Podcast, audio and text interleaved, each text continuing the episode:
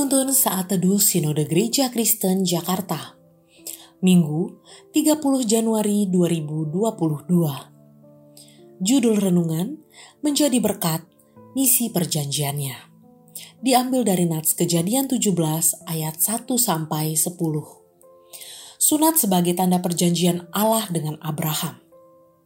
Ketika Abram berumur 99 tahun, maka Tuhan menampakkan diri kepada Abram dan berfirman kepadanya, Akulah Allah yang Maha Kuasa.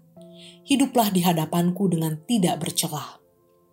Aku akan mengadakan perjanjian antara aku dan engkau, dan aku akan membuat engkau sangat banyak.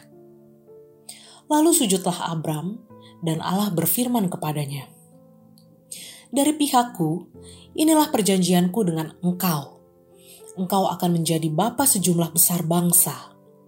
Karena itu, namamu bukan lagi Abram, melainkan Abraham, karena engkau telah kutetapkan menjadi bapa sejumlah besar bangsa. Aku akan membuat engkau beranak cucu sangat banyak. Engkau akan kubuat menjadi bangsa-bangsa, dan daripadamu akan berasal raja-raja. Aku akan mengadakan perjanjian antara aku dan engkau, serta keturunanmu turun-temurun menjadi perjanjian yang kekal, supaya aku menjadi Allahmu dan Allah keturunanmu.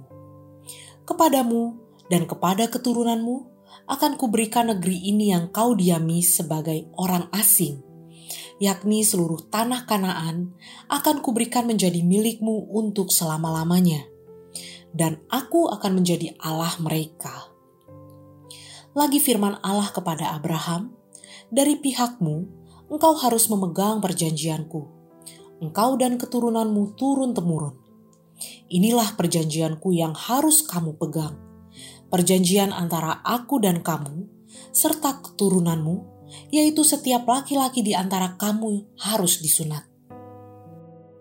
Semakin berharga sebuah tugas, semakin besar juga perjuangan untuk menyelesaikannya kalimat bijak semacam ini seharusnya tidak asing lagi bagi kita.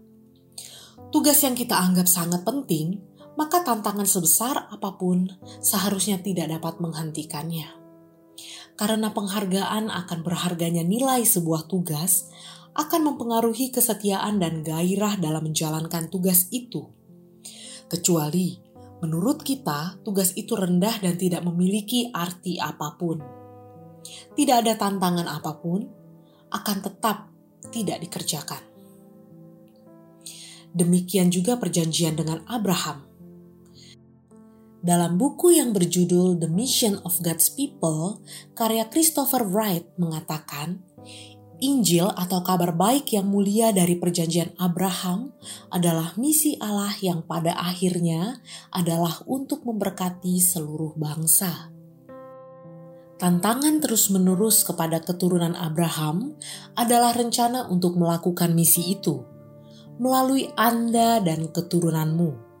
Karena itu, keturunannya perlu untuk mempercayai dan menaati misi itu. Pada renungan hari ini, Allah kembali mengingatkan perjanjian kepada Abram. Pada pasal sebelumnya, Abram bergumul dengan keturunannya dengan Sarai mengambilkannya seorang perempuan bernama Hagar menjadi istrinya dan melahirkan Ismail. Tetapi hal ini tidak sesuai dengan janji Allah. Allah hanya akan memakai keturunan dari Abram dan Sarai. Karena usia Abram dan Sarai terus bertambah, tidak mudah bagi mereka untuk memahami akan janji yang seakan-akan mustahil ini. Namun, Allah memiliki rencana kekal, misi yang kekal, Allah akan memakai Abram. Allah memulai pasal ini dengan mengatakan bahwa Dia adalah Allah yang Maha Kuasa. Kemudian, mengubah nama Abram menjadi Abraham karena Allah menetapkan menjadi bapa sejumlah besar bangsa. Kemudian Allah mengikatkan janji itu dengan perjanjian kekal. Tujuannya adalah melalui keturunan Abraham, segala bangsa menerima berkat Allah berkat menjadi umat Allah. Dan Allah memerintahkan agar semua keturunan Abraham harus terus-menerus memegang perjanjian itu. Allah memandang berharga segala bangsa.